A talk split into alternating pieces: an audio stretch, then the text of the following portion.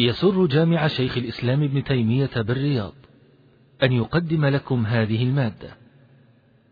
شرح بلوغ المرام لفضيلة الشيخ عبد المحسن ابن عبد الله الزامل. وذلك ضمن دروس الدورة العلمية المكثفة التاسعة لعام 1423 من الهجرة بجامع شيخ الإسلام ابن تيمية رحمه الله تعالى بسلطانه. نسأل الله تعالى أن ينفع بها المسلمين. والآن مع الشريط التاسع. كأن البنك الأول وكل البنك الثاني في ال... في وكلك أنت أيها صاحب الشيك أو وكل عميلك الذي تريد تحول له هذه الورقة وهذا الشيك في أخذ المال فهي وكالة في اقتراض. إذا كان البنك الثاني غير مدين. سواء كنت أنت تطلب هذا البنك أو لا تطلب هذا البنك. ف وإذا جاء إنسان إلى البنك وكان له حساب فيه له حساب في البنك فأحال من نفس هذه العملة بنفس العملة بنفس العملة أحاله أحال طلب من البنك أن يسدد له شيء من المال من حسابه الخاص وأن يحيله إليه في بلد آخر فهو في الحقيقة يشبه الحوالة لأنك تطلب البنك شيء من مال من جهة حسابك الموجود عنده ولا رصيد عنده فأحالك على البنك الآخر فإن كان البنك الآخر مدين للبنك الأول فهي حوالة فهي حوالة. وتكون على ما سبق إن كان بجنس المال جازت وإن كان بغير جنس المال وأعطاك على ذلك ورقة أو شيء بنفس العملة التي أن أن أن تأخذها من في البلد الثاني فهو يكون قبضا. وإن كان البنك الثاني ليس مدين البنك الأول فهي وكالة في اقتراض. المقصود أن يأتي الإشكال في مسألة المال الذي يأخذه البنك والأظهر أنها جائزة إما أن يقال إنها أجرة بمقابل الوكالة أو أنه من باب النقص في سداد القرض وهذا جائز في أحد قولي أهل العلم. وعن جابر رضي الله تعالى عنه قال توفي رجل منا فغسلناه وحنطناه وكفناه ثم أتينا به رسول الله صلى الله عليه وسلم فقلنا نصلي عليه فخطأ خطأ ثم قال أعليه دين؟ فقلنا ديناران فانصرف فتحملهما أبو قتادة فأتيناه فقال أبو قتادة ديناران عليه فقال رسول الله صلى الله عليه وسلم حق الغريب وبرئ منهما الميت. قال نعم فصلينا عليه. فصل فصل وبرئ قال فقال رسول الله صلى حق الغريب وبرئ منه ميت. قال نعم فصلى عليه رواه أحمد وأبو داود والنسائي وصححه ابن حبان والحاكم. هذا الحديث راجعت روايته عند أبي داود وعند النسائي والذي رأيته عند أبي داود والنسائي خلاف هذه الرواية وإن كان معناها موجود. لكن هذه الرواية وهذا القدر عند أحمد رحمه الله. فهذا اللفظ لأحمد وهو الذي أراده المصنف رحمه الله من جهة أنه يكون آه، يوفي حق الغريب ويبرأ الميت. وهذا في باب الضمان. والضمان كما سبق هو ضم ذمة إلى ذمة. والرسول عليه الصلاة والسلام لما أراد أن يصلي عليه خطأ خطأ ثم قال عليه دين فقلنا ديناران فسأل عليه الصلاة والسلام فقال أبو قتادة هما علي. فلقيه فقال حق الغريب وبرئ الميت حق منصوب لفعل بفعل محذوف يعني أتوفي حق الغريب. وبرئ منهما الميت فقال نعم فصلى عليه عليه الصلاة والسلام. هذا كما سيأتي في الحديث الآخر أنه كان في أول أمر ما كان يصلي على معيدين ثم بعد ذلك صار يصلي عليه عليه الصلاة والسلام. وقال من ترك دينا فعليه ومن ترك كلا أو عيالا فعليه ومن ترك مالا فلورثته وفي لفظ للعصبة من كانوا وفي هذا تعظيم أمر الدين وتشديد أمر الدين وأنه لا يجوز التساهل فيه بل يجب الوفاء بحقوق الغرم. ولهذا شدد عليه عليه الصلاة والسلام وذكر في حديث آخر عند أبي داود غيره إن من إن أعظم الذنوب بعد الكبائر أن يلقى العبد وعليه دين لم يقضه. سبق أن الدين إذا كان العبد اجتهد في قضائه لكنه حصل منه في في قضائه لم يكن عن تفريط ولا تقصير إنما أراد أن يقضي بحقا أو دينا ومات ولم يفرط فالصواب أنه لا شيء عليه إنما يكون من أخذ يريد إتلافها فهذا هو الذي في خطر. أما من أخذ يريد أداءه في حق القضاء فإن الله معه والله مع الدائن حتى يقضي دينه. وفي هذا أنه صحة ضمان دين الميت كما هو قول جمهور أهل العلم بخلاف سواء ترك دينا أم لم يترك دينا. خلافا لأبي حنيفة رحمه الله يقول لا يجوز لا يصح ضمان دين الميت إلا إذا خلف وفاء. والصواب الجواز لأنه عليه والسلام أقر أبا قتادة ولهذا جاء في الخبر لم يترك دينا لم يترك مالا ولم يترك وفاء. فيصح ضمانه وينتقل إلى ضمن ذمة الضامن. ويتعلق بذمة المدين آه، وأما الضمان وهو ثبوت فإنه يكون في ذمة الضامن وهو الذي ضمن الدين وينتقل إليه. وفيه أيضا من آه، دلالة على أنه إذا قضاه برئ الميت وهذا قد يكون في من ترك دينا إما أنه ترك له وفاء أو كان دينه فيه نوع تقصير في وفاءه أو وجد شيئا في حال حياته فلم يفي فيكون آه، متعلقا بدينه تعلقا لا ينقطع حتى يقضى عنه. وفي هذا صحة الضمان كما سبق واتفق عليه العلماء من حيث الجملة وأنه يجوز للضامن أن يضمن الدين الذي لإنسان على إنسان. يقول أضمن ما في ذمتك لفلان ولا يشترط للضامن أن يعلم الدين الذي عليه أو أضمن لك أضمن عليك ما يحصل لك أو ما يحصل عليك من دين لفلان فيصح الضمان. والضمان من أيضا من عقود الإرفاق ومن عقود كالكفالة التي تشرع بين المسلمين فهو فيه إعانة للمسلم على أخي المسلم. ولهذا كان الصواب كما قول أهل العلم أنه لا يجوز أخذ مال عليه أو مقابل هذا الضمان. يقول أضمن لك ما في فلان بشرط أن تعطيني كذا أو أن أن يكون بقدر كذا وكذا من المال فلا يجوز. لأنه في الحقيقة إذا ضمنت لو كان لإنسان على إنسان ألف ريال فقلت أنا أضمن ما في ذمتك لفلان. يصح الضمان حتى ولو لم لو, لم يرضى الضامن أو المضمون عنه. المقصود يكفي رضا الضامن نفسه. لا يشترط رضا المضمون عنه ولا رضا المضمون له. فلو أنك قلت أضمن لك ما في فلان لك عليه ألف ريال بمئة ريال. لا يجوز. لأنه في هذه الحالة لو أن لأنه لو لم يفي مثلا بالمال فيكون دينا عليك أنت يكون لازما لك أيها الضامن للمضمون عنه تعطي به المضمون له. فيلزمك أن توفي عنه ألف ريال عن المضمون عنه. فإذا أوفيت عنها ألف ريال كأنك أقرضته إياه.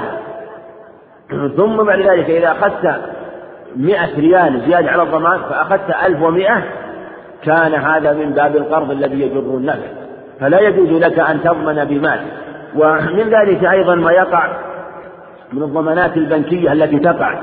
واختلف أهل العلم في تكييفها وفي وصفها وفي جوازها. وهذه الأظهر والله أعلم وهو الضمان الذي يجعله البنك ويصدره البنك لإنسان في معاملة تجارية أو في شركة ويطلب مثلا يطلب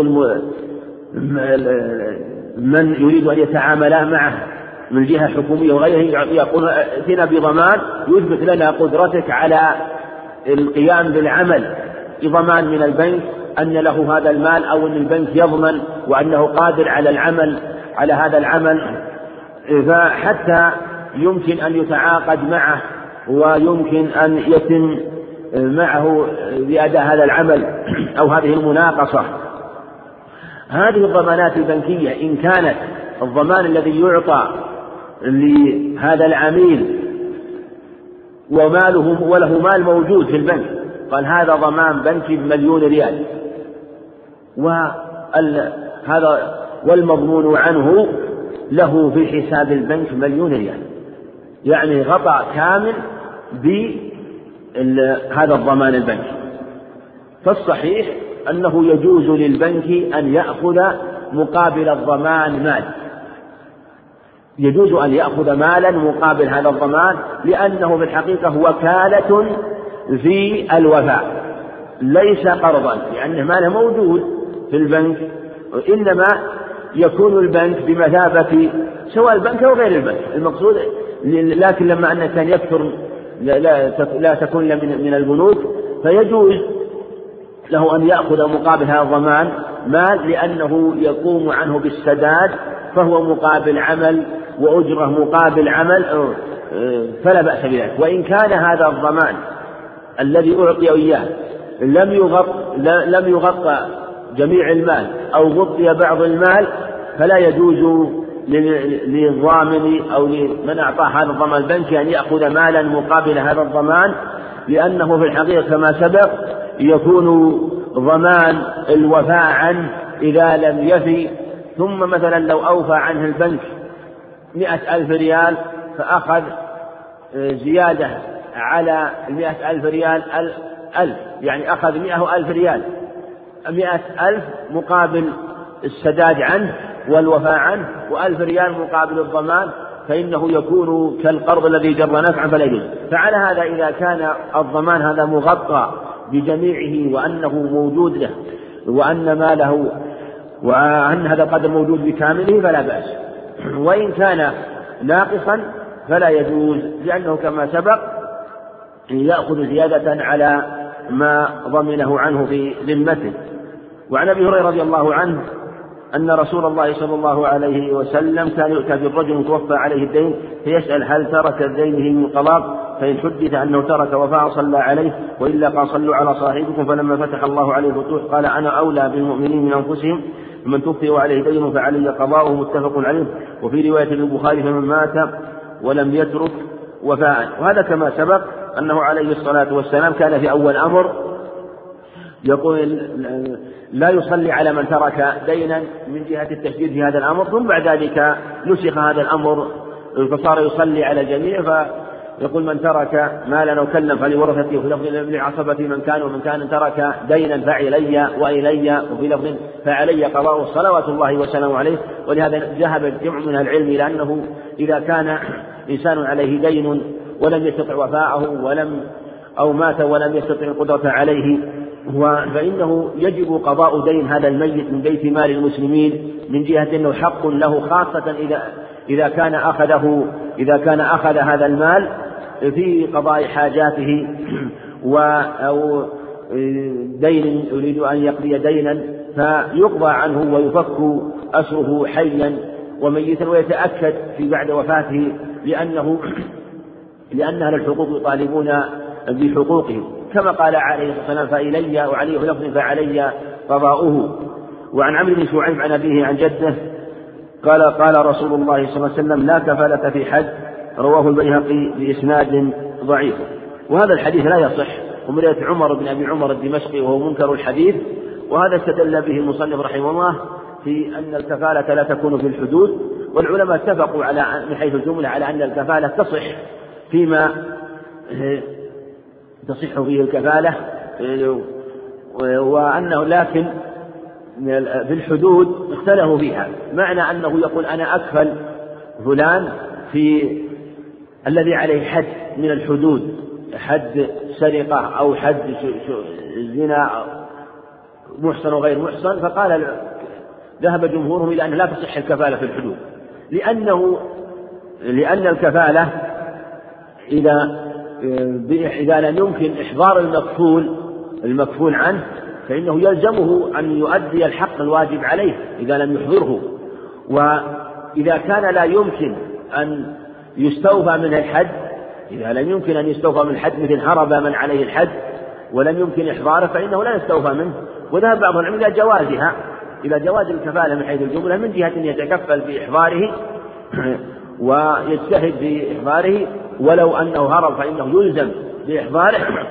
ولو كان لم يحضر فإنه لا يقام عليه الحد خاصة إذا كان لم يفرط وإذا فرط فيجبر. وربما مثلا آه، ألزم بذلك وقد يعزر بنوع من التعزير من جهة أنه فرط في إحضار من تكفل بإحضار. إذا قيل بجواز الكفالة في الحد كما اختار من العلم والجمهور على أنه لا تصح الكفالة لهذا المعنى لا لهذا الخبر لأنه لم يثبت. نقف على باب الشركة الشركة والوكالة الحمد لله رب العالمين. الصلاة والسلام على نبينا محمد وعلى آله وأصحابه وأتباعه بإحسان إلى يوم الدين. أما بعد فيقول الإمام الحافظ بن حجر رحمه الله تعالى باب الشركة والوكالة. الشركة من أوسع أبواب المعاملات وهي أو معناها الاجتماع في استحقاق أو تصرف. والاستحقاق هو شركة الأملاك والتصرف هي شركة العقود. فالشركات نوعان. شركات أملاك وشركات عقود. فالاجتماع في الاستحقاق وهو ما يملكه إثنان فأكثر بسبب استحق استحقاقهما لهذا الشيء مثل اشتراك اشتراك وارثين فأكثر في ميراث. فهذا بمجرد الميراث يثبت استحقاقهما بلا عقل لأنه ثابت لهما شرعا. كذلك لو وهب اثنان أرض أو وهب اثنان منزل أو سيارة أو مزرعة أو غير ذلك مما يملك إثنان به اثنان فأكثر فهذا اجتماع في استحقاق أو تصرف وهي شركة العقود وهي التي يتكلم فيها الفقهاء رحمة الله عليهم وهو شركة العقود وهو أن يجتمع اثنان ويعقد بينهما شراكة في عمل من الأعمال على الاختلاف في الشركات التي ذكرها أهل العلم. والشركات أقسامها كثيرة ويختلف أهل العلم في عدتها ويختلفون أيضا في صحة بعضها. وأوسع الأقوال في هذا مذهب مالك رحمه الله ومذهب أحمد في تصحيح الشركات وأضيقه مذهب الشافعي رحمه الله حيث أبطل كثيرا من الشركات. والأظهر هو ما قال الإمام مالك رحمه الله والإمام أحمد في أن ما يذكر من هذه الشركات فهي صحيحة وثابتة والأصل هو صحة التعامل وصحة التصرف في هذه الشركات من حيث الجملة ثم يكون الخلاف في بعض الشروط التي تكون كالشأن في المسائل الأخرى في أبواب المعاملات حينما يتفق على الأصل ثم يختلف في بعض التفاريع. باب الشركة والوكالة. والوكالة كما هي الإذن في التصرف. من أذن له في تصرف فيصح مما يصح توكله فيه فهي وكالة. والمصنف رحمه الله ذكر ما يتعلق أولا بالشركة. قال رحمه الله عن أبي هريرة رضي الله عنه قال قال رسول الله صلى الله عليه وسلم أنا ثالث الشريكين ما لم يخن أحدهما صاحبه فإن خان خرجت من بينهما رواه أبو داود وصححه الحاكم. هذا الحديث من طريق رواه أبو داود من طريق أبي حيان يحيى بن سعيد بن حيان التيمي عن أبيه. وأبو حيان ثقة رجال الشيخين ويحيى بن سعيد وأبوه سعيد بن حيان. فيه آه، جهالة أو فيه لين أو فيه جهالة فعل من هذه الجهة فعلته أبو يحيى أو علته والد يح أبو والد أبي يحيى. سعيد بن حيان لا يحيى بن سعيد كما وهم به بعضهم وجعله من علته أبا سعيد فإن أبا سعيد هذا ثقة. فعلته أبوه وهو سعيد بن حيان. مما ينبه له أن كثيرا من المخرجين ممن يخرج بعض كتب الأحكام أو غير أو غير كتب الأحكام ربما يكون الحديث مثلا موجود في السنن أو في المسند أو غيرهما ثم يكون فيه لفظ ذكره مثلا المصنف صاحب الكتاب قصد ذكره ولا يكون هذا اللفظ موجود في جميع من نسب إليه وعز إليه فيكون فيه وهم في العزم من جهة أنه ذكر لفظا مقصودا قصده المصنف.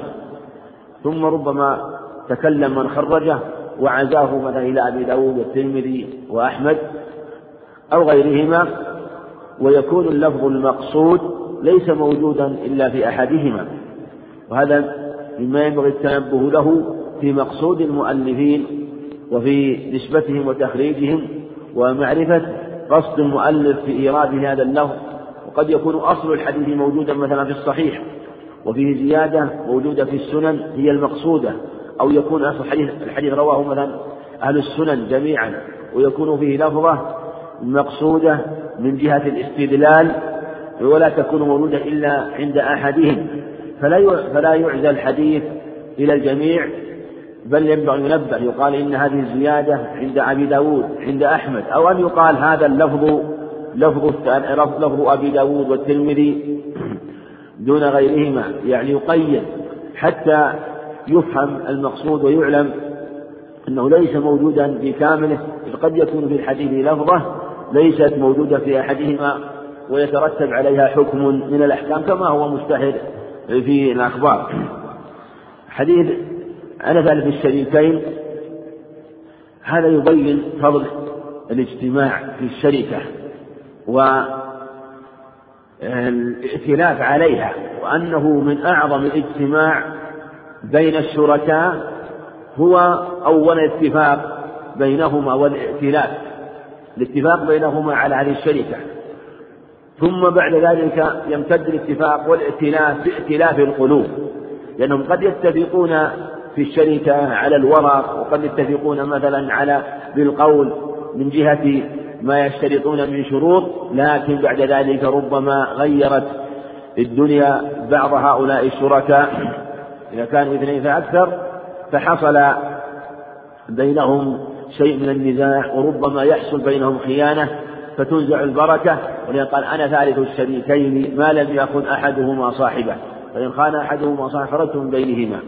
وشركة أو شركاء يكون الله ثالثهما فإنها على الخير والبر وتنزل البركة في نفس الشركة وتنزل البركة وتنزل البركة في ما يترتب عليها من أرباح ثم أيضا آه، لو حصل بينهما نزاع أو خلاف وكانوا اجتمعوا على يعني وأتلفوا عنه ولم ينوي أحد منهم أن يكون صاحبه أو أن يخالفه مخالفة ظاهرة إنما قد يحصل نزاع كما يحصل غالبا بين الشركاء فإنه يبارك فإنه تنزع أو ينزع الاختلاف قريبا ويجتمعون ويأتلفون من جهة أن قصد الجميع هو الائتلاف والاجتماع. وهذا في دلالة على أن الشركة مشروعة ومطلوبة وأنها فيها بركة. كالشركة في الطعام وكالاجتماع في الطعام وكالاجتماع في السفر وكالاجتماع في المحبة في الله كله يكون فيه البركة والخير. ولهذا إذا اجتمع قوم وسافروا فجمعوا طعامهم وجمعوا شرابهم فإنه تنزل البركة فيهم ويحصل المواساة والخير. وهكذا أيضا الاجتماع المعنوي والحقيقي في الاجتماع في الشركة في وفي التصرف فيها. قالوا عن السائب المخزومي رضي الله عنه أنه كان شريك النبي صلى الله عليه وسلم قبل البعثة فجاء يوم الفتح فقال مرحبا بأخي وشريكي رواه أحمد وأبو داود وابن ماجه. السائب هذا السائب هذا اختلف فيه وهو قيل إن السائب يزيد المخزومي وهذا الخبر اختلف في ثبوته من رواية مجاهد عن قائد السائب عن السائب. لكن المقصود منه ثابت من هذا الخبر ومن غيره وهو أنه عليه الصلاة والسلام رحب به يوم الفتح لما جاء مسلما قال مرحبا بأخي وشريكي. فقال نعم الشريك أنت لا تباريني ولا تماريني يعني لا تنازعني ولا تدارئوني ولا يحصل بيني وبينك اختلاف.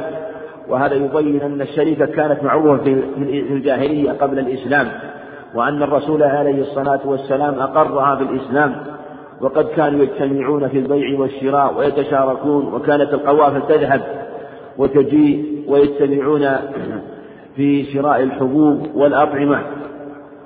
وهكذا الإسلام أقر هذه الشركات على ما هي عليه ولم يغير منها وهذا يبين أنه كالإجماع العملي من جهة نقلها ومن جهة أنها كانت موجودة في الأسواق وكان الشركاء يتبايعون في الأسواق وكان ربما اشترى السلعة إثنان أو اشترك في شيء من الدراهم فجعلوا يبيعون ويشترون ولم ينكر عليهم عليه الصلاة والسلام شيئا من هذا إنما بين لهم بعض أنواع البيوع المحرمة ما فيه من ربا وما فيه من غرر ما فيه من خطر ومخاطرة وأقر ما سوى ذلك.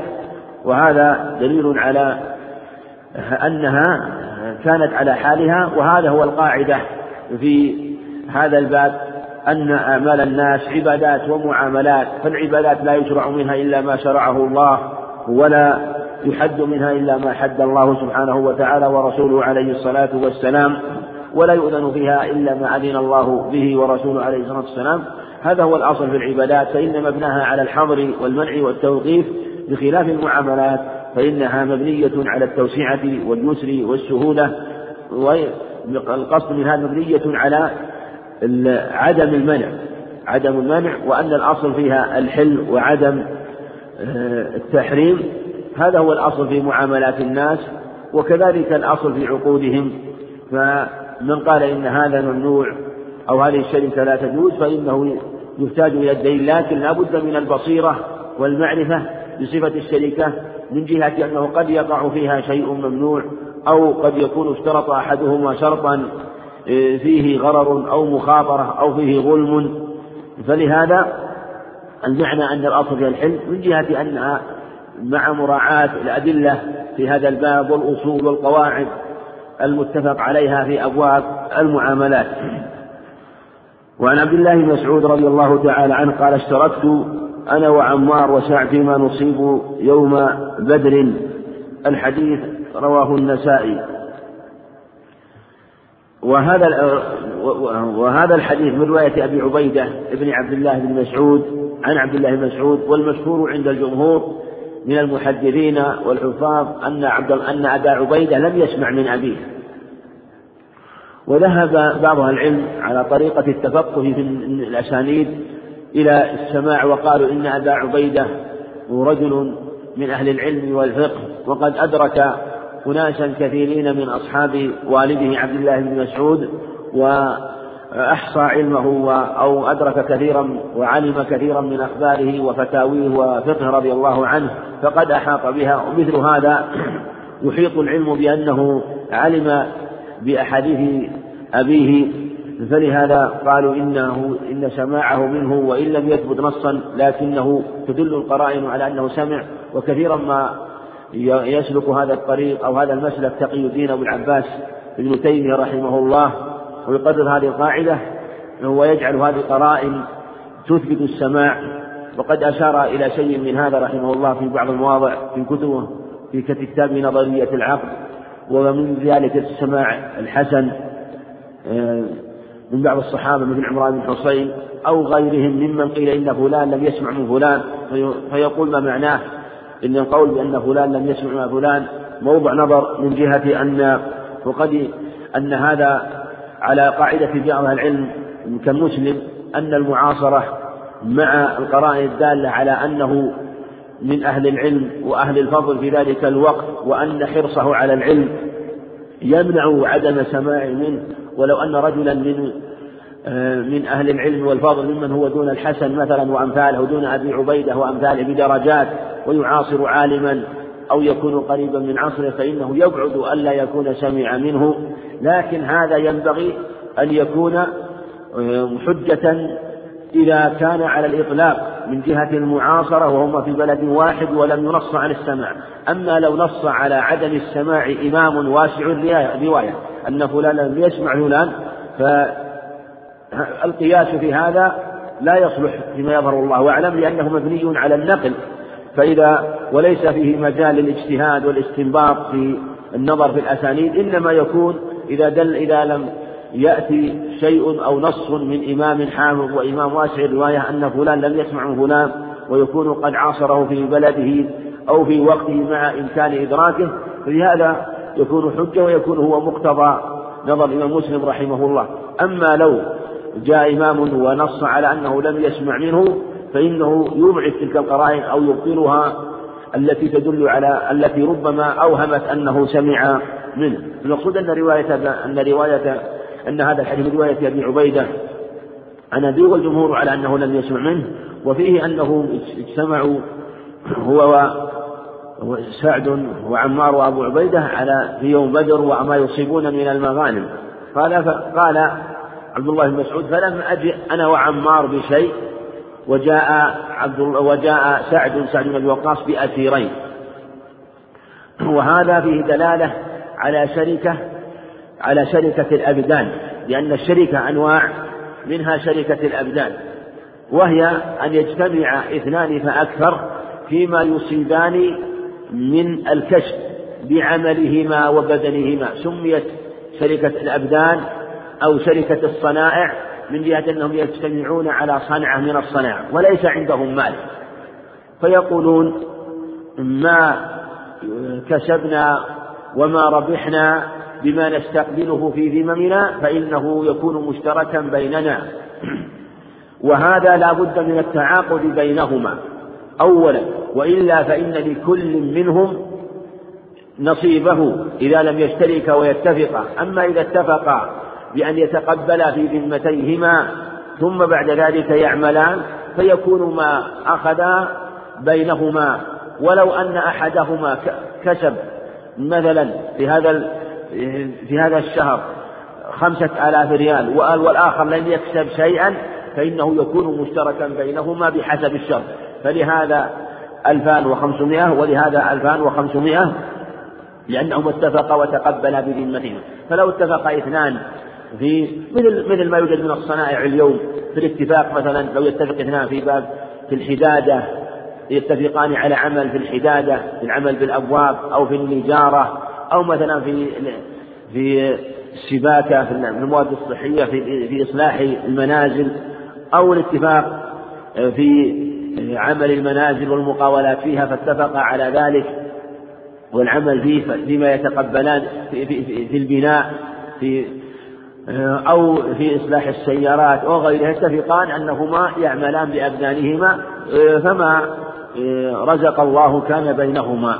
لكن هل يجوز أن يتفاضل في الربح بأن يقول أحدهما لي الثلثان ولك الثلث؟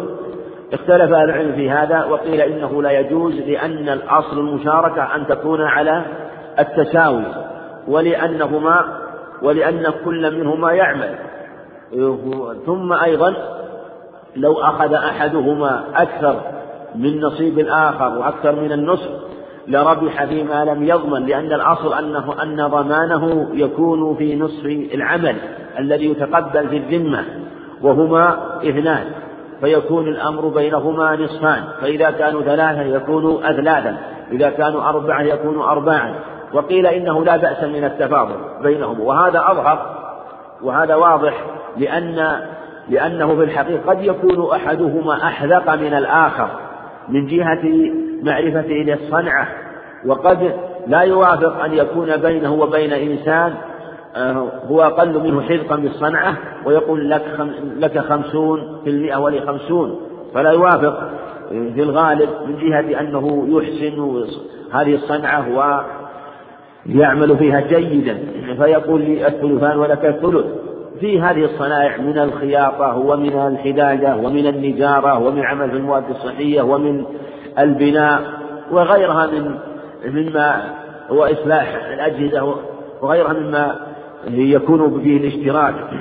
وهذا أظهر ولا يكون من باب ربح ما لا يضمن لأن كل منهما كان ربحه بقدر عمله في بدنه. والعمل يختلف فيكون لأحد مثلا الثلثان ويكون ربحه هذا هو الذي في ذمته من جهة هو الذي يكون له ولا ولا يدخل في ضمان في ربح ما لم يضمن لأنه يضمن عمله هو وعمله قد يكون يبلغ سبعين بالمئة من عمل صاحبه من جهة الحذق ومن جهة الجد.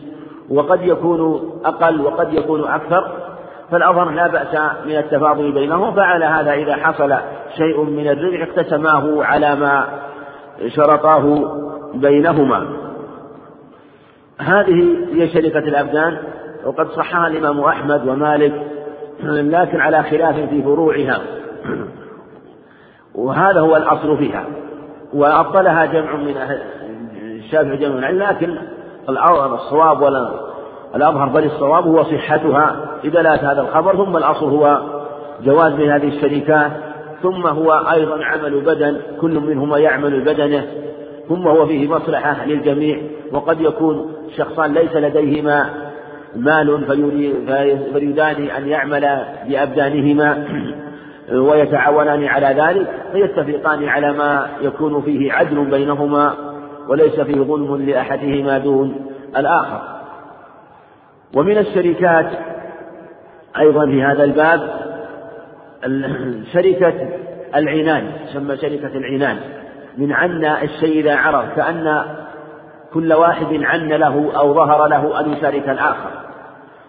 وهي ما تجمع مالا وعملا فيجتمعان بمالهما وبدن بدنيهما إثنان فأكثر. فإذا اجتمع إثنان فأكثر وأخرج مالا وقال نعمل فيه بأبداننا. كلهم يعملون. هذا يعمل وهذا يعمل. فهذه شركة العنان وهي الاجتماع في المال والاجتماع بالأبدان. وهي من الشركات الصحيحة وفي هذا وعليها أهل العلم قاطبة في صحتها. وعلى هذا يكون الاتفاق بينهما على الشروط التي تكون عدلا. وهل يجوز المفاضلة بينهما أو لا يجوز؟ أو تكون أو يكون رأس المال أو يكون الربح حسب رأس المال. فإذا اجتمع مثلا على عمل من الأعمال في التجارة يتاجرون في هذا المال يبيعون ويشترون. وكلهم يعمل هذا يعمل وهذا يعمل. فأخرج هذا عشرة آلاف وهذا عشرة آلاف. هل يكون الربح مناصفة بحكم أن المال متساوي؟ أو إذا أخرج أخرج أحدهما ثلاثين وأخرج أحدهما وأخرج أحدهما سبعين. يكون لأحدهما يكون لأحدهما سبعين من الربح والآخر ثلاثين. من الربح بنسبة المال. فيه خلاف كما سبق. والأظهر والله أعلم أنه يجوز المفاضلة بينهما وإن وإن اختلف المال. يعني يجوز المفاضلة بينهما إن اتفق المال. وكذلك لو اختلفت النسبة ولم تتفق مع نسبة المال. لأنه كما سبق قد يكون النظر لهما بحسب مصلحتيهما ويكون أحدهما أبصر بالتجارة وأبصر بالبيع والشراء. فيشترط له أكثر من الآخر أو قد يكون مثلا تفرغه وعمله للتجارة في هذا المال أكثر من من صاحبه في هذه في هذه الحالة لا بأس أن يكون الاتفاق بينهما على ما يران ما يرى ما, ما يكون بينهما بالنظر لهما من جهة إتقان أحدهما للعمل وجده فيه ونشاطه فيه. هذه وهذه الشركات تكثر اليوم جدا وعليها تقوم كثير من المؤسسات والشركات بأن يجتمع جماعة في شركة وقد تكون مثلا الشركة جهة من الجهات ويكون المشترك ويكون المشتركون فيها كثيرين. وقد وهذه والنوع الثالث من الشركات شركة المضاربة المضاربة. وهذه لعل ستأتينا أيضا هذه الشركة شركة المضاربة في باب مستقل في باب القراب. وهي من المقاربة وهي بأن يخرج أحدهم يسمى المضاربة وتسمى المقاربة لأنه قرض من ماله أو قطع من ماله قطعة فأخرجه. فاتفق مع عامل بأن يعمل فيه بحسب ما يتفقان عليه. وقد تتفق المضاربة مع العنان بأن يخرج أحدهما مالا ويتفق مع إنسان يعمل فيه ولا يخرج الثاني مال. ويعملان ببدنيهما هذا بماله وبدنه وذاك ببدنه. فهي مضاربة في جهة صاحب البدن دون المال وعنان ومضاربة في من اجتمع ماله وعمله. فلا مانع من اجتماع أوصاف الشركة لا يعني لا يشترط أن تكون مثلا كل شركة مستقلة تماما ولا ولا يتداخل فإذا آه، أمكن تداخلهما واتفاقهما فلا بأس من ذلك. والمضاربة محل اتفاق من أهل العلم وقد كانت معروفة وموجودة آه، في الجاهلية وأقرها الشارع في الإسلام. كذلك من أنواع الشركات وهي الرابعة هي شركة الوجوه. وسميت شركة الوجوه لأنهما يتعاملان بجاههما ويتفقان بجاههما ليس عندهم مال وليس ليس عندهم مال يجتمعون فيه أو مال وعمل أو مال وعمل وليس هنالك اتفاق على شيء من جهة الاتفاق بالعمل مثلا في حدادة أو نجارة بل يقولون بحسب وجاهتنا عند الناس وعند التجار فهذا يأخذ مثلا يقترض من هذا التاجر شيء من المال وذاك يقترض شيء من المال ويجمعان المال أو لا يجمعانه ثم بعد ذلك يبيعان ويشتريان هذا المال أو يأتي ذاك أو أحدهما يأخذ من التجار شيء من السلع ويشتريها بنسيئة في ذمته وشريكه يشتري مثلا من التجار سلعة ويأخذها نسيئة دينا في ذمته. هذا يبيع وهذا يبيع بعد اتفاقهما. فالمقصود بالجاه وهو معرفة التجار لهما وأنهما أصحاب بيع وشراء. فهم ينفعون التجار من جهة أنهم يصرفون لهم السلع. وربما أيضا استفادوا منهم أحيانا من جهة لو احتاجوا إلى القرض من جهة معرفتهم ومعرفتهم بهم وثقتهم بهم. فيبيعون ويشترون ويكون ما قسم الله بينهم بحسب ما يشرطانه بينهما. آه هذه أيضا من أنواع الشركات. والشركات اليوم كما سبق شركات كثيرة ويكثر منها شركة المضاربات وشركة المساهمات التي تكون ولها أحكام بحسب الشروط التي يتفق عليها. معنى أن يجتمع ناس أو المساهمات بمعنى أن تجمع الأموال ثم يباع فيها ويشترى. فقد يكون من من يدير العمل مشاركة. فيكون شركة فتكون مضاربة وشركة شركة عناد تكون مضاربة وشركة عناد وقد تكون مضاربة إذا لم يكن من المؤسسين للشركة مال إنما يجمعون الأموال ويعملون فيها بحسب النسبة. وإذا شاركوا بأموالهم كانت من باب شركة العنان لأنهم جمعوا إلى أموالهم آه، مالا وعملا. فهذه الشركات الأصل فيها الصحة والسلامة إلا أنه ينبغي التنبه إلى صحة الشروط والنظر فيها والتي لا يكون فيها ظلم ولا هضم لأحد من الشركاء.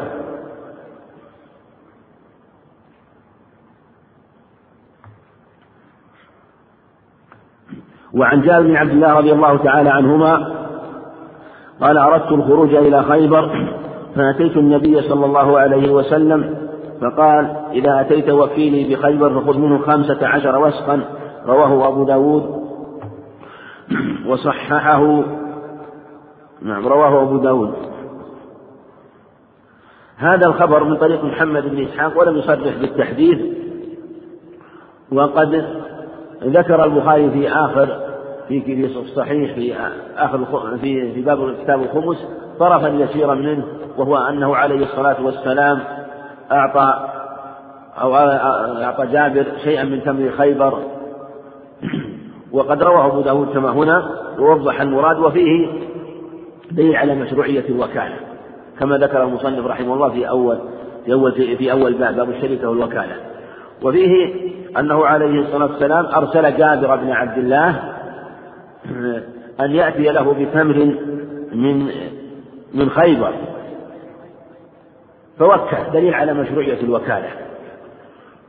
وفيه أنه قال إذا أتيت وكيلي فسألك البينة فضع يدك على ترقوته. وهي العظم الترقوة هي العظم الذي بين ثغرة النحر والعاتق.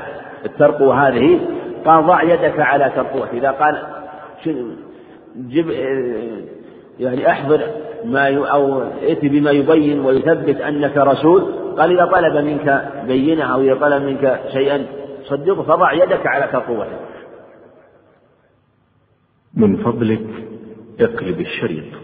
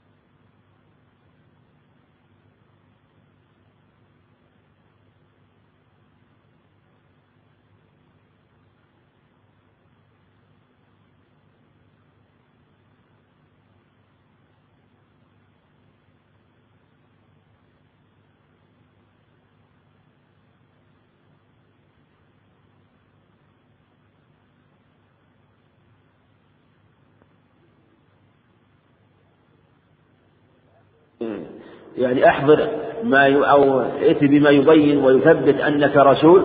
قال إذا طلب منك بينة أو إذا طلب منك شيئا صدقه فضع يدك على تقوته فالرسول عليه الصلاة والسلام جعل بينه وبين ذلك الرجل الذي عامله علامة. قال إذا أرسلت إذا أرسلت إليك رجلا فشككت أو في إرسال به أو في توكيل له فالعلامة التي أرسلها أن يضع يده على ترقوتك. فإذا وضع اليد على ترقوة فهم أنه رسوله. وهذا أمر لا يعلم إلا لا يعلم إلا من جهة الموكل نفسه. وهذا يبين أن الدلالة على العمل بالقرائن. مثل إنسان يرسل إنسان لأجل أن يأخذ منه مالا أو وديعة قال اذهب إلى فلان وأحضر منه. ائت بهذا المال أو بهذه السلعة وهو لا والواسطة غير معروف آه، لذاك الآخر. فيقول له إذا قال فلان آه، كيف أرسلك فلان؟ أو هل تعرف فلان؟ أو ما هي ما هو الدليل والبين عن أرسلك؟ ضع يدك على رأسه. ويكون اتفاق بين المرسل والمرسل إليه مثلا. أو قل أو أو يعطي يعلمه كلمة يقولها. يقول كلمة يقولها من الكلمات أو المقصود أنه يجوز أن لا بأس أن تكون القرينة فعل من الأفعال في بدن ذلك الرجل أو في بدنه هو أو أن يقول قولا مثل ما أنه عليه الصلاة والسلام قال له ضع يدك على ترقوته وبدلالة على العمل بالقرائن وأنه يعمل بها وأنها أيضا لها أصل في أبواب كثيرة كما عمل كما عمل بها عليه الصلاة والسلام. وفيه أنه كان إيه، ربما قام بالشيء بنفسه وربما وكل عليه الصلاة والسلام من يقوم بذلك. قال وعن عروة البارقي رضي الله تعالى عنه أن رسول الله صلى الله عليه وسلم بعث معه بدينار يشتري له أضحية. الحديث رواه البخاري في أثناء الحديث وقد تقدم. حيث تقدم حديث عروة بن جعد البارقي وقد ذكر المصنف رحمه الله قبل في باب شروط البيع وفيه أنه عزاه إلى الخمسة إلا النسائي وذكر له شاهدا من حديث حكيم بن حزام عند الترمذي وسبق الكلام عليه وبأنه عليه الصلاة والسلام كان يوكل ربما وكل في شراء الشيء له بدلالة على مشروعية الوكالة وأنها لا بأس بها. وعن أبي هريرة رضي الله تعالى عنه قال بعث رسول الله صلى الله عليه وسلم عمر على الصدقة الحديث متفق عليه. وفيه والحديث عن أبي هريرة متفق عليه أنه عليه الصلاة والسلام بعث عمر إلى الصدقة آه، بعثه ليأخذها من ابن جميل وخالد بن الوليد والعباس. فقيل منع ابن جميل وخالد بن الوليد والعباس؟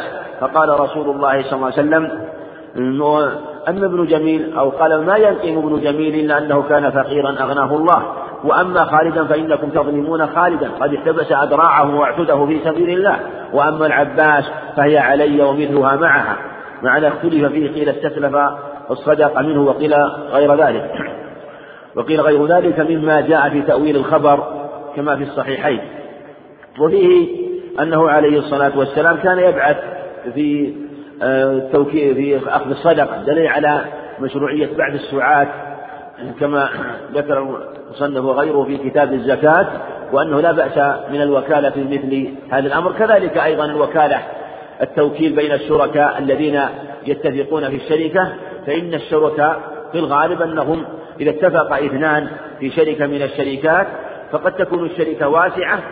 ففي ضمن الشركة أنه لا بأس أن يوكل كل منهم من يرى مناسب لأنه قد تكون الشركة لا يقوم بها فيها أعمال كثيرة لا يقوم بها. فإذا اتفق مثلا على الشركة فيقوم أحدهما بالاتفاق مع ناس يعملون أو كتاب أو موظفون يعملون معه لأنه علم بالعرف والقرائن أن هذه الأعمال الكثيرة لا يقوم بها مثلا واحد منهم.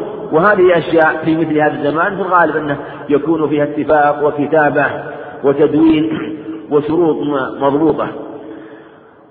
وعن جابر رضي الله عنه أن النبي صلى الله عليه وسلم نحر نحر ثلاثا وستين وأمر علي رضي الله عنه يذبح الباقي. الحديث رواه مسلم. والحديث حديث طويل وحديث جابر عبد الله. هذا في صفة المناسك وهو حديث طويل وهو منسك مستقيم. وفيه أنه لا بأس من التوكيل في القرب والتوكيل في الأضحية والتوكيل في الهدايا. وقد نحر علي ثلاث وقد نحر النبي عليه الصلاة والسلام ثلاثا وستين ونحر علي ما غبر وهو سبعا سبعا وثلاثين.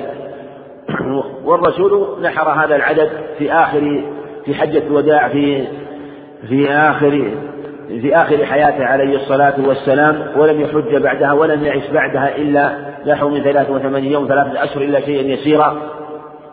وقال بعض العلم إن هذا إن نحره ثلاثة وستين في إشارة إلى سنة إلى عمره وأنه يموت عن ثلاث وستين صلوات الله وسلامه عليه. وعن أبي هريرة رضي الله عنه في قصة العسيف قال قال, قال النبي صلى الله عليه وسلم واغدو يا أنيس على امرأة هذا فإن اعترفت فارجمها. الحديث متفق عليه. وفي هذا أيضا التوكيل في الحدود وأنه لا بأس وأن الإمام له أو الحاكم له أن يوكل في الحدود وأن يقيمها لكن لا يوكل إلا من يعرف الحدود ويضبط ويضبطها ويعرف الحدود الشرعية في إقامة الحدود وكذلك يعرف الحدود الشرعية فيما يتعلق بالإقرار لأنها لأن هذه الحدود مبنية على الدرء والإسقاط. فإذا اعترفت أو اعترف من قام عليه حد ثم بعد ذلك تراجع فإنه يسقط عنه. فلا بد أن يكون عالما. بها في دلالة على أنه يوكل في مثل هذا. في دلالة على أنه إذا كان يوكل في مثل إقامة الحدود الشرعية فالتوكيل في الأمور الأخرى مما يكون بين الناس في أمور الدنيا من باب أولى لأنها أخف من جهة الأهمية والمسؤولية. وعن أبي هريرة رضي الله عنه. باب الإقرار. عن أبي ذر رضي الله عنه قال قال لي النبي صلى الله عليه وسلم قل الحق ولو كان مرا صححه ابن حبان من حديث طويل. هذا الحديث حديث جيد وقد رواه الإمام أحمد أيضا. وهو حديث طويل وهو أنه أوصاه عليه الصلاة والسلام بخصال أوصاه بحب المساكين وأن ينظر إلى من أن ينظر إلى من هو أسفل منه ومن أسفل وأن يصل الرحم وعن وإن أدبرت. قال وأن أقول بالحق وإن كان مرا. وهذا يبين أنه يجب أن يقول الإنسان الحق وأن يعترف به؟ والإقرار كما قال العلماء هو سيد البينات. لأنه اعتراف لا يحتمله لأنه اعتراف ممن عليه حق فلا يحتمل الشبهة. أما الشهادة فإنها تحتمل. يحتمل من جهة أنهم شهداء زور أنهم شهدوا آه، عليه ظلما شهدوا له شهدوا له زورا أغير أو, أو يكون وهموا فظنوا أن الشهادة صحيحة فيحتمل ويعتريها وإن كانت حجة لكن الإقرار هو إقرار ممن عليه حق فلهذا يكون هو سيد البينات ومن اعترف وأقر على نفسه طائعا مختارا نفذ ذلك عليه في الحقوق الخالصة. للآدميين فإنه لا يصح الرجوع عنها بلا خلاف. فإذا اعترف في الحقوق الخالصة والحدود التي هي خالص حق الآدميين والحقوق الخالصة للعباد مثل أن يعترف لإنسان بأن له عليه قرض أو عليه دين من مبيع أو أن له عنده هذا الشيء وديعة أو أمانة فإنه يثبت في ذمته ولو أنكر ولو أنكر بعد ذلك لا يقبل إنكارا ويجب عليه ويلزم بذلك. وكذلك الإقرار في الحدود التي هي خالص حق البشر مثل القصاص مثل حد القذف فهذه إذا اعترف بها لزمته. أما الحدود التي هي خالص حق الله عز وجل كحد الزنا وما أشبهه فهذه الحدود تبنى على الدر والإسقاط. ولهذا لو اعترف لو اعترف ثم رجع فإنه يترك بل إنه يلقن كما لقى النبي عليه الصلاة والسلام ماعزا لقنه إلى أن يرجع وعرض له بذلك عليه الصلاة والسلام بل حتى لو رجع أثناء إقامة الحد فالصحيح أنه يترك. ولهذا قال عليه الصلاة والسلام هل تركتموه؟ يتوب فيتوب الله عليه.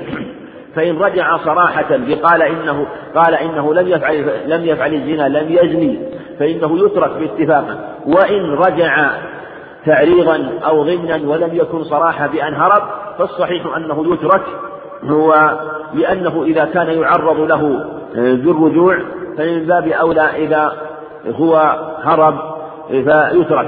فالمقصود أن الإقرار في مثل هذه الأشياء يقبل فيه الرجوع بخلاف الإقرار في الحدود في الحقوق الخالصة للعباد وكذلك في الحدود التي هي خالص أو حق الآدميين. باب العارية. يقال العارية ويقال العارية وهي من عار الشيء إذا ذهب أو أعار الشيء ولأن العارية آه، تذهب من يد المعير إلى يد المستعير سميت عارية وقيل إنها من العار وفيه نظر لأنه لا عار في العارية ولا نقص فقد استعار عليه الصلاة والسلام فلهذا ليس فيها عار ولا نقص.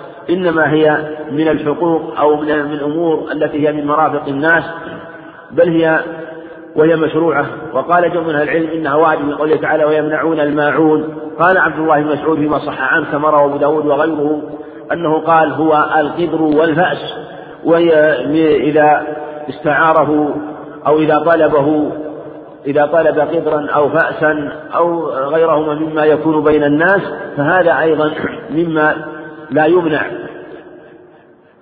والجمهور على أنها مستحبة وذهب بعض العلم إلى أنها واجب والقول بوجوبها أظهر خاصة مع الحاجة لأنها لا مؤونة فيها. أما إذا كان فيها مؤونة أو فيها ضرر على المستعار منه فإنه لا يلزم لا تلزم إلا إذا كان فيه ضرورة من المستعير وحاجة من المستعير فتقدم ضرورة المستعير. ولهذا لو اضطر إلى طعام وجب إطعامه على الصحيح. ثم هل يجب بدله فيه خلاف؟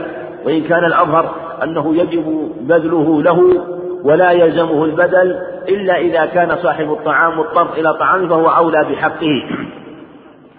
وأولى بطعامه وشرابه. وهذا في الحقيقة من باب من باب الإتلاف ليس من باب العارية لكن يشبهها من جهة أنه حق واجب طلبه. أما العارية فإنها إباحة المنافع. أو تمليك المنافع على خلاف. هل هي إباحة المنفعة؟ أو تمليك المنفعة؟ والأظهر أنها إباحة المنفعة فالمستعير يستفيد من هذه المنفعة إذا استعار إذا استعار منك أخوك أو طلب الجار من جاره أو أو أو من قريبه أو من صديقه عارية مما يكون بين الناس عارية أواني أو ملابس أو فراش أو عارية كتاب فينتفع به. لكن لا يملك المنفعة. لأنه لو قلنا إنه يملك المنفعة جاز للمستعير أن يؤجرها وجاز له أن يعيرها. والأظهر أنه يملك أنه يباح له الانتفاع أن له الانتفاع حق الانتفاع ولا يملك المنفعة فيتصرف فيها. هذا هو الأظهر. فعلى هذا هي مشروعة على هذه الجهة. وهي في الغالب لتكون لا مؤونة فيها ولا ضرر وقال قال عن سمرة بن جندب رضي الله عنه قال قال رسول الله صلى الله عليه وسلم على اليد ما أخذت حتى تؤديه. رواه أحمد والأربعة وصححه الحاكم. هذا فيه دلالة لما ذهب إليه بعض العلم وهو مذهب أحمد والشافعي إلى أن العارية يجب ردها ويجب ضمانها إذا تلفت في قوله عليه الصلاة والسلام على اليد ما أخذت حتى تؤديه. فمن أخذ شيئا واستعار شيئا فإنه يجب أن يؤديه. والعارية نوع من الأمانات. لكن هل تضمن أو لا تضمن على خلاف. ذهب بعض العلم إلى أنه أنها مضمونة في ذمة المستعير مطلقا. وأنها لو تلفت فإنه يضمنها ولو لم يفرق. وقال آخرون من العلم إنها لا تضمن إلا بالتعدي وهذا أظهر وذلك أن هذا الحديث ولد الحسن عن سمرة وفيه انقطاع. ولو ثبت هذا الخبر فإن هذا ليس خاصا في العارية بل إن جميع الأمانات يجب أداؤها. حتى الأمانات التي ليست من باب العارية معنى أن يكون عندك أمانة لإنسان فلا تتصرف فيها لأنها أمانة. يجب أن تردها ولا ولا يجوز لك أن تضيعها ولو فرط فيها ضمنها. كذلك العارية فالأصل فيها وجوب الرد. أما إذا حصل أن تلفت بالاستعمال المعتاد فلا ضمان مثل أن يكون استعار منه ثوبا فلبسه ومع طول المدة حصل فيه تلف أو شقوق أو خروق فإنه لا يضمن لأنه استعمال معتاد وهو كالإذن. ومن أذن في شيء والإذن في شيء إذن فيما تولد عنه. فهو إذا أذن في لبس الثوب ولبسه اللبس المعتاد فهو قد أذن فيما تولد عنه مما يحصل للثوب من سحل أو تشقق أو غير ذلك. لكن لو أنه لو أنه كان لبسه له على غير وجه المعتاد فإنه يضمن لأنه نوع من التعدي. وكذلك إذا تلفت هذه العارية بلا تعد منه حفظها بما يحفظ فيه مثلها واستعملها الاستعمال المعتاد. فلا ضمان عليه هذا هو الأظهر. ثم العارية يجوز أن تكون يجوز أن تكون مطلقة ويجوز أن تكون مؤقتة. فإذا أعرت عارية لإنسان فلك له أن يستعملها ما دمت أنت لم تؤقته فلو أعرته كتابا فله أن يقرأ فيه وأن يستفيد منه مهما طالت المدة ولا يقيد. لكن إذا هل له الرجوع المعير الجمهور يقولون إن له الرجوع. لو أعاره اليوم مثلا الصباح أعاره الكتاب الصباح يجوز له أن يأخذه بعد الظهر. قال ما أمكن يستعمل أخذته منك ولا ما أمكن القراءة فيه ولا الفائدة منه يقول له أن يرجع لأنه ماله وأعاره آه، له عارية وليس لازم وليست لازمة واجبة في حق المعين. كالقرض ليس لازما الأجل في حق المقرض. والأظهر في باب العارية كما سبق في باب القرض أنها إن أجلت صح الأجل فيها. فلو قال أعرتك هذا الكتاب شهر أو أعرتك مثلا هذا الثوب شهر فإنه تثبت المدة ويلزم والمسلمون على شروطهم. ولا يجوز الرجوع قبل ولا يلزم أن يسلم قبل شهر المستعير وإن أراد أن يرجع له ذلك. لكن المعير لا يطلب إلا بعد هذه المدة. ولو أعاره مطلقا بلا تحديد فالأظهر أنه لا بد أن يتركه مدة ممكن يستفيد منها. فإما أن يحدد المدة أو أن يترك له هذا الشيء الذي استعاره مدة يمكن أن يستفيد منه. وإلا لا يحصل المقصود من العارية خاصة إذا قيل إنها واجبة فإنما لا يتم الواجب إلا به واجب. فإذا عاره شيء وقلنا إن العارية واجب وهو وهو محتاج له ثم طلبه مباشرة قبل التمكن من انتفاع به وهي واجبة بظاهر الأدلة.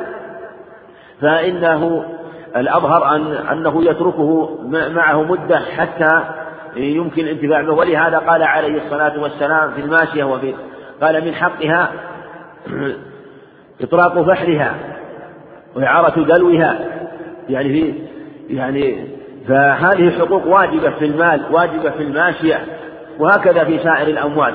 مما يكون لا مؤونة به ولا ضرر ويحتاجه أخوه فإنك تعيره إياه. وعن أبي هريرة رضي الله عنه رضي الله تعالى عنه قال قال رسول الله صلى الله عليه وسلم أد الأمانة إلى من ائتمنك ولا تخن من خانك. رواه أبو داود رواه الترمذي وأبو داود حسنه وصححه الحاكم واستنكره أبو حاتم الرازي وأخرجه جماعة من الحفاظ وهو شامل للعارية.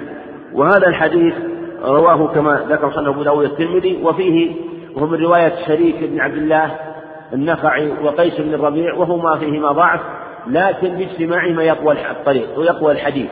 وله شاهد عند أبي داود من رواية آل عبد الله بن صفوان بنفس هذا اللفظ أو أو له شاهد آخر رواية يوسف ماهت عن عن رجل عن رجل أنه أن يوسف ماهت قال كان رجل ناظرا أو وصيا على قوم فأنفق عليهم مالا فكلمه في هذا وأن يأخذ من مالهم فقال إن أبي حدثني أن رسول الله صلى الله عليه وسلم قال لا أد الأمانة إلى ثمنك ولا تخن من خانك. فهذا شاهد له وهذا يبين أنه يجب أداء الأمانة ولا يجوز الخيانة فيها وهو وهو بعمومه شامل للعارية كما سبق. فمن يجب أداء الأمانة فإن أداء العارية واجب من باب أولى لأن الأمانة في الحقيقة فيها معروف وحاجة للمؤتمن نفسه. أما العارية فهي حاجة للمستعين فهو أعطاك هذا هذه الحاجة وأعارك هذا الشيء لحاجته. فكان الإحسان إلى أخيه والاجتهاد في أدائها من باب أولى. من جهة أنك أنت صاحب الحاجة فإذا لزمت في حق المؤتمن الذي هو حافظ لها ولا يأخذ حافظ لها من باب أولى أن يكون في العارية. نقف على حديث يعلى بن أمية رضي الله عنه. الحمد لله رب العالمين. الصلاة والسلام على نبينا محمد وعلى آله وأصحابه وأتباعه بإحسان إلى يوم الدين. أما بعد فيقول الإمام الحافظ بن حجر رحمه الله تعالى باب العارية.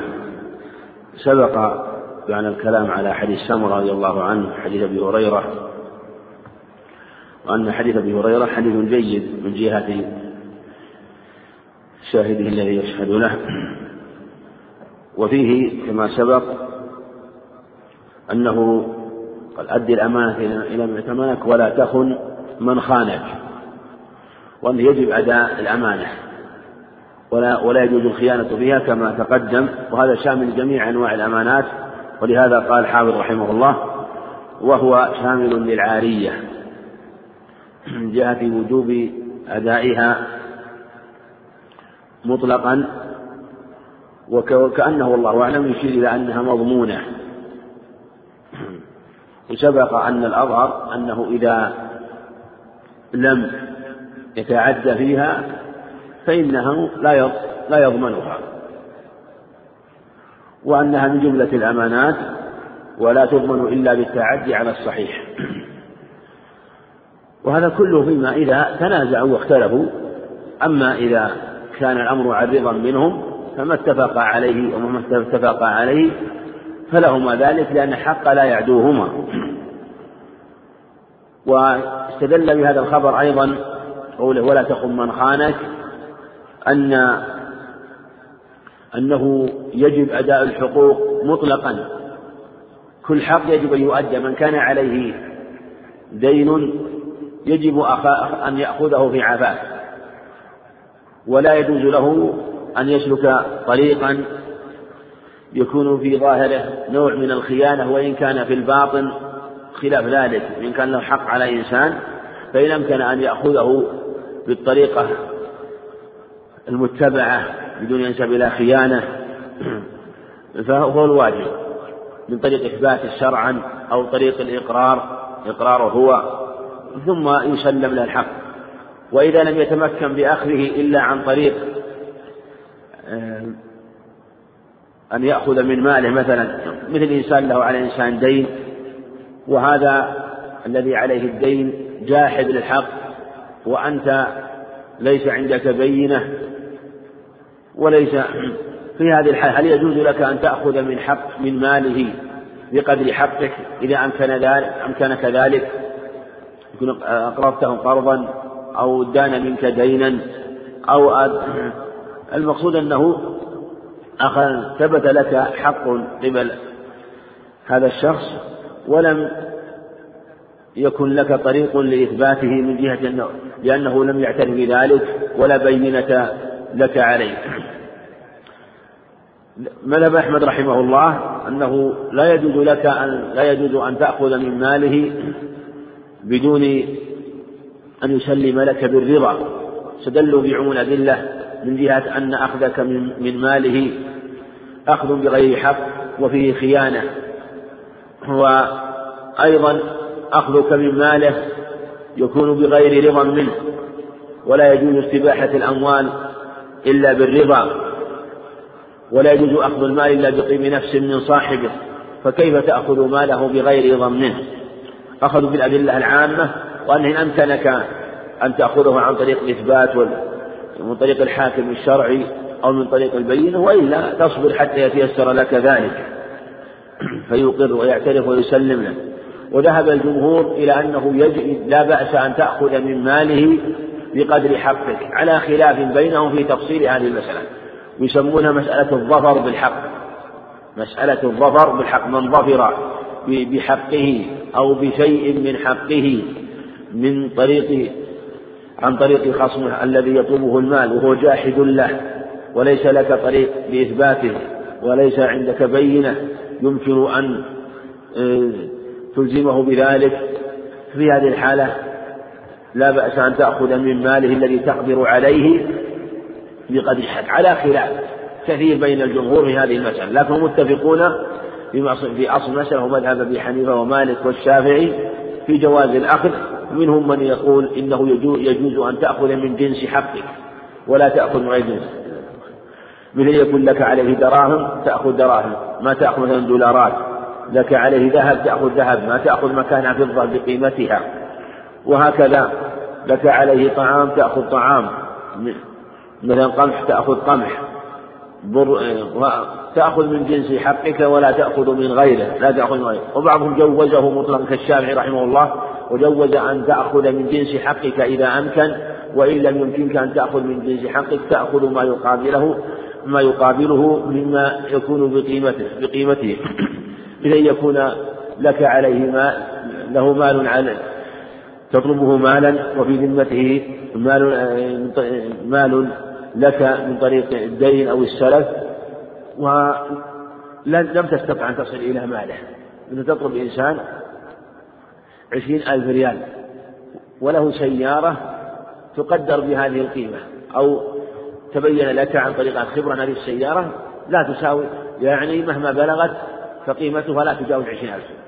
فأمكنك أن تأخذ هذه السيارة ولو بغير رضا بالقوة لك جاز لك أن تأخذها أو تأخذ مثلا منها طعام أو ملابس أو أواني أو أجهزة يمكنك أن تأخذها بقدر مالك. وهذا أظهر هذا القول أظهر خاصة مع تضييع الحقوق. إذا حينما يضيع أهل الحقوق حقوقهم ولا يتمكن الإنسان من أخذ حقه فيجوز له. لكن يشترط بذلك شرطان في جواز أخذ الحق قهرا من غير على الجاحد الذي وأنت فيما بينك وبين الله حقك ثابت لكنه جاحد له وأنت لا بينة لك على ذلك. وألحق بعضهم فيما إذا كان له بينة لكن لا يمكن يتوصل بحقه لضعف لضعف الفصل في الحقوق وضعف الحاكم الشرعي الذي يحكم وضاعت الحكومة فجوزوا ذلك. لكن يشترط أمران أو شرطان أن يكون الحق حقا ماليا ليس حقا بدنيا. فإذا كان لإنسان على إنسان حق من الحقوق المتعلقة بالبدن إذا اعتدى عليه فضربه فجرحه أو أصابه فلا يجوز لك أن آه، تأتي مثلا وتترصد له ثم تضربه أو تجرحه لأن هذا لا ينضبط قد يؤدي إلى الفساد وقد يؤدي إلى القتل وقد يؤدي إلى النزاع ولا يكاد ينضبط. هذا. الأمر الثاني ألا يترتب على أخذ حقك شر وفتنة. فإن ترتب على أخذ الحق شر وفتنة مثل أن تعلم أنك لو أخذت ماله ربما آه، رد بالمثل فصار وهاجت فتنة بينك وبينه وصار عداوة منه عليك أو ربما أخذ سرق شيئا من مالك وادعى أنك أنت سرقت منه فحصل فتنة وشر. لكن إذا كنت تأمن جانبه وتعلم أنه لا يحصل بذلك شر وفتنة. ففي هذه الحالة لا بأس وسموها مسألة الظفر بالحق وهو ظاهر اختيار البخاري رحمه الله في صحيحه رحمه الله حيث بوب باب القصاص الظالم المظلوم من الظالم وذكر خبر هند بنت عتبة في حديث عائشة رضي الله عنها وأنها قالت إن أبا سفيان رجل شحيح من السيك لا يعطيني ما يكفيني قال خذي ولدك ما يكفيك بالمعروف. ف وقالوا إنه أذن لها عليه الصلاة والسلام بأن تأخذ من ماله بقدر ما يكفيها ويكفي أولادها بالمعروف وهو مسألة الظفر بالحق. وبعضهم فرق أيضا مسألة الظفر بالحق بين الحق الظاهر والحق الباطن. فمن كان حقه ظاهرا جاز له ذلك ومن كان حقه باطنا لا يجوز ذلك. وقالوا إن الحق الظاهر يمكن إثبات الحق يمكن إثباته.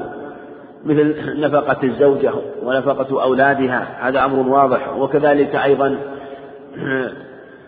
مثل يعني مثل ليلة الضيف إذا جاء إلى قوم فلم يكرموه ولم يقروه جاز أن يأخذ من حقهم على الصحيح. ولهذا أنه قال عليه الصلاة والسلام في حديث عقبة بن عامر أو قالوا قالوا له يا رسول إننا نمر بقوم لا يقروننا وفي لفظ لا يقروننا قال خذوا. إذا مرتم بقوم فلم يقروكم فخذوا.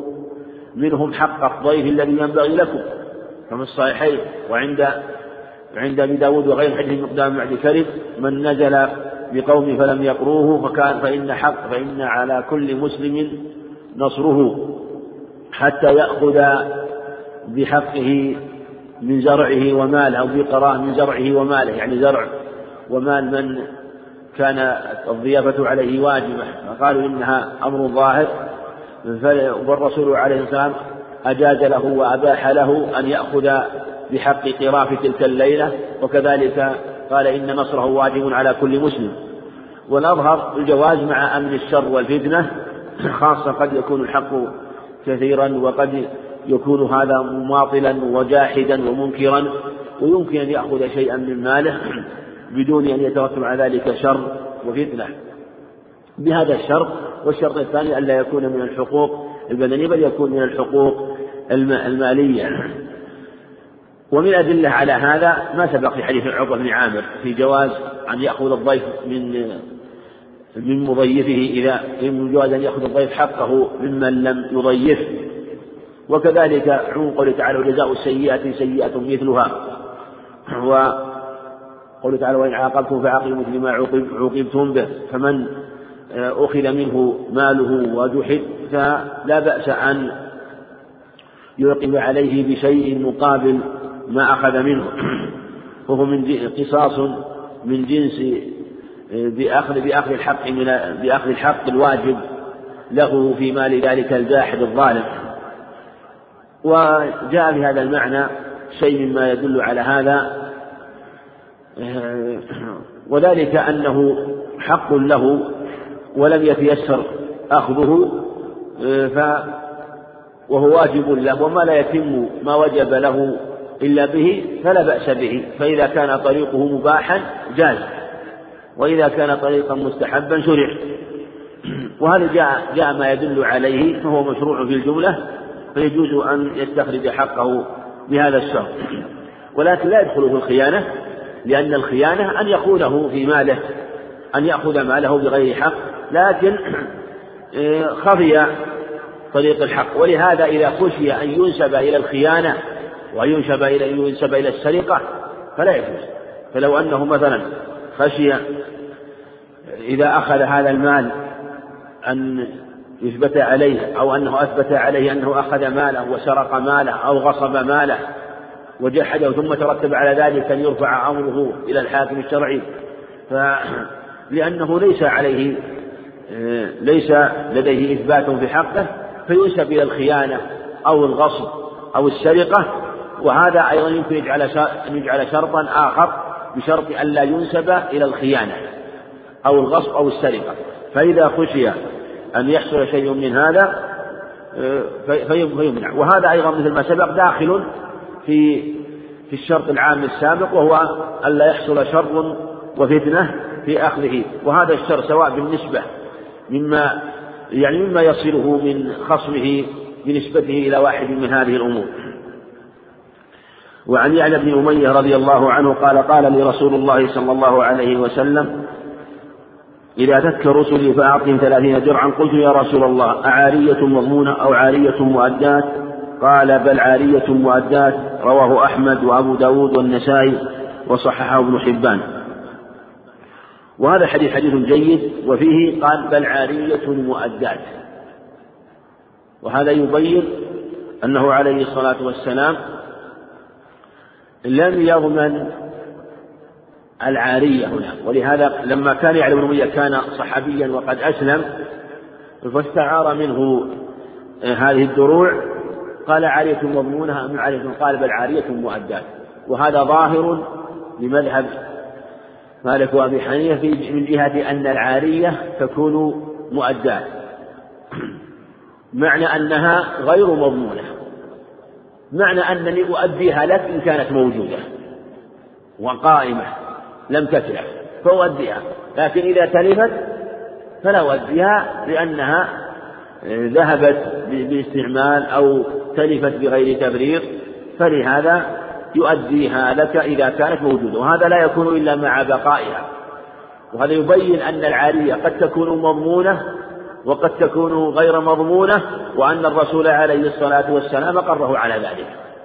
وهذا هو الأظهر أنه يجوز أن تضمن العارية ويجوز أن لا تضمن. ولهذا في هذا الخبر قال بل عارية مؤدات وأنه لا يضمنها لو فاتت أو تلفت لأنه أمانة من جملة الأمانات ولا تضمن إلا بالتعدي. ولهذا قال بل عارية مؤدات. وعن صفوان بن أمية رضي الله عنه أن النبي صلى الله عليه وسلم استعار منه دروعا يوم حنين فقال غصب يا محمد؟ قال بل عارية مضمونة. رواه أبو داود وأحمد والنسائي وصححه الحاكم. وأخرج له شاهدا ضعيفا عن ابن عباس.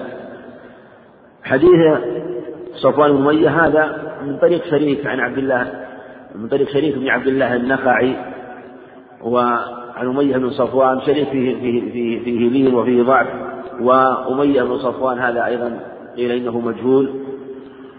لكن له شاهد في حديث آل عبد الله بن صفوان عند أبي داود وشاهد هذا الذي قال عند الحاكم لكنه من طريق إسحاق بن عبد الواحد القرشي وهو متروك. وهذا الخبر بالجملة يشهد له ما سبق من جهة أنه شاهد في المعنى وأنه استعار دروعا لكن في هذا الخبر قال بل عارية مضمونة. فأغصب يا محمد يعني أهي غصب خبر مثل محذوف وفي الرواية أغصبا يا محمد على أنها مفعول مطلق لفعل محذوف يعني أتغصبها غصبا مفعول لفعل محذوف فقال بل عارية مضمونة. ففي حديث يعلى بن أمية قال مؤدات في حديث صفوان بن أمية حديث صفوان قال بل مضمونة. وكان صفوان إذ ذاك لم يسلم ولا شك أنه رب إذا كان لم يسلم فلا يستغرب أن أن يقول مثل هذا وأنه يشترط الضمان واشترط الضمان عليه وأن الرسول عليه الصلاة والسلام لكي يطمئن قال أن إن دروعك مضمونة. مطلقا. ولهذا قال بل عارية مضمونة يعني أضمنها لك. سواء آه، تلفت بتفريط أو بغير. مطلقا. هي أننا وأنها مضمونة له حتى ولو تلفت بغير تفريط وهذا يبين ما ذهب إليه جمع من أهل العلم؟ وأنه يجوز اشتراط ضمان العارية واشتراط عدم ضمانها. وأن الأصل فيها أنها غير مضمونة إلا بالتعدي ولهذا قال بل عارية مؤداة حديث يعلى وفي حديث صفوان قال بل عارية مضمونة يعني أضمنها له. وعلى هذا يقال مثلا إن العارية الأصل فيها أنها كأمانة من الأمانات وهذا هو الأصل في الأمانات أنها لا تضمن سواء كانت الأمانة لمصلحة المعطي مثل أن يكون عندك وديعة لإنسان هذا قبض لمصلحة المعطي الذي أقبضك أو أن تكون لمصلحة المعطى القابض وهي كالعارية العارية التي تأخذها ممن يعيرك أنت قبضتها لمصلحتك. بخلاف الأمانة والوديعة بخلاف الوديعة فهي من مصلحة المودع لا من مصلحة المودع لأنه يحفظها للمودع أو تكون من مصلحتهما جميعا مصلحة المقبض والقابض. وهي مثل ما يقبض بطريق الشركة مثل يكون مال شراكة بين اثنين ويشرف عليه أحدهما فهو يتصرف في في نصيبه بمقتضى الملك ويتصرف في في نصيب صاحبه بمقتضى القبض الذي لمصلحتهما جميعا فهو أقبضه إياه وهذا القبض لمصلحته وهذا هو أمانة سواء قبض الشيء لمصلحته أو لمصلحة المقبض أو لمصلحتهما جميعا فكلها أمانات ولا تضمن إلا بالتعدي على الصحيح والعارية من ضمن ذلك لكن يجوز على الصحيح اشتراط اشتراط نفي الضمان نفي الضمان فيما يضمن. يعني حتى ولو قيل مثلا بضمان العارية وأنها مضمونة فاشترط المعير على المستعير قال أعطيك هذا الكتاب بشرط أنك تضمن لهذا الكتاب وأنه يعود وإن تلف أو حصل له شيء من التلف أنك تضمنه لي يضمنه له بمثله. كتاب آخر. وكما سيأتي على الصحيح أن المثل ما له مثيل سواء كان كتاب أو غيره. كل ما له أو حيوان أو أي شيء له مثيل على الصحيح كما سيأتي. باب الوصف إن شاء الله. فلهذا يجوز أن تضمن بالشر أو أن ينفى الضمان يقول أنا آخذها منك وليست مضمونة. ليست مضمونة فرضي الذي أعطاه هذه العارية من جهة الأصل ومن جهة التوثق بعدم الضمان وكذلك أجراه بعضهم في الأمانة وقال إنه لو شرط في الأمانة ضمانها الأمانة لا تضمن باتفاق أهل العلم لو عندك وديعة وأمانة للإنسان وقال احفظها لي ثم تلفت بغير تفريط منك فإنك لا تضمن لكن لو شرط عليك المودع أنك تضمنها فالصحيح أنه يصح الشر والجمهور يقولون لا يجوز نفي لا يجوز اشتراط ضمان ما لا يضمن ولا نفي ضمان ما يضمن. يقول لأنها هذا هو الأصل في ما, يضمن ما لا يضمن كالأمانات أو ما يضمن مطلقا كالعارية فلو اشترط فالنفي ضمان العارية لم يصح ولو اشترط ضمان الأمانة لم يصح. والأظهر هو صحة الشرط. مثل ما قال عليه الصلاة والسلام في في العارية مرة قال مؤدات في حديث يعلى وأنه لا يضمنها بل يؤديها ولهذا قال بل المضمونة أو مؤدى قال مؤدات لا أضمن هذا. وفي حديث صفوان قال بل عارية مضمون هذا هو الذي قرره علم القيم رحمه الله في زاد المعاد وهو مقتضى الأدلة وقد يكون من مصلحتهما. مثل هذا يكون مصلحة المتعاقدين في الأمان أو في عارية لذلك. فمن مصلحتهما إذا أراد أن يشترط مثل هذا الشرط جاز لهما ذلك. باب الغصب. عن سعيد بن زيد رضي الله عنه أن رسول الله صلى الله عليه وسلم قال من اقتطع شبرا من الأرض ظلما طوقه طوقه الله إياه يوم القيامة من سبع أراضين. متفق عليه. الغصب مصدر غصب يغصب غصبا. والغصب اختلف فيه في تعريف قيل هو الاستيلاء على حق غيره قهرا بغير حق. وقيل هو استيلاء غير حربي على حق غيره قهرا بغير حق. وهذا أقرب بأن يخرج غير الحرب استيلاء غير حربي على حق غيره قهرا بغير حق. لأن استيلاء الحرب على مال المسلم ما يسمى غصب ولهذا إذا استولى الحربيون على مال المسلمين ثم فات هذا المال وذهب ولم يبقى فإنهم لا يضمنونه. ولو أسلموا ترغيبا لهم بالإسلام فلا يضمنوا إنما الخلاف فيما إذا كان المأخوذ قهرا من المسلمين باقي مثل غصب المسلمين أموال أو آه، سلاح. وكان هذا السلاح موجود حتى الآن لم يفوت وهو موجود. هذا هو خلاف فيما إذا عرف صاحبه هل يرجع إليه. أما إذا فات فلا يضمن بلا خلاف. فهذا والغصب محرم لأنه من أكل أموال الناس باطل. والله يقول ولا تأكلوا أموالكم بينكم باطل. ويقول يا أيها الذين لا تأكلوا أموالكم بينكم بالباطل إلا أن تكون تجارة عن تراض منكم. والرسول عليه الصلاة والسلام في عدة أخبار نهى عن أخذ المال بغير حق. قال لا يحل مال امرئ مسلم إلا بطيب نفس منه. وقال عليه الصلاة والسلام إنما البيع عن تراض. وقال لا يحل مسلم أن يأخذ أن يأخذ متاع أخيه متاع أخيه. من أخذ متاع أخيه فليرده إليه. لفظ من أخذ عصا أخيه فليردها إليه. ويعني حتى في الشيء اليسير. ولهذا لا يجوز أن يأخذ من حق أخيه نصبا ولو شيئا تافها. ولو حبة بر شعير بغير حق. إلا ما جرى العرف والعادة بأخذه في المساواة أو في التجربة بأن يطعم هذا الشيء أو ما آه، يتسامح بين الناس عادة وعرفا مما يكون بينه فالمقصود أن هذا هو الأصل وأنه لا يجوز. ولهذا جاء التشديد في الغصب وأنه من المحرمات الظاهرة من جهة أنه أخذ لمال مال لمال غيره بغير حق. شكر الله لفضيلة الشيخ على ما قدم وجعله في موازين حسناته. والسلام عليكم ورحمة الله وبركاته.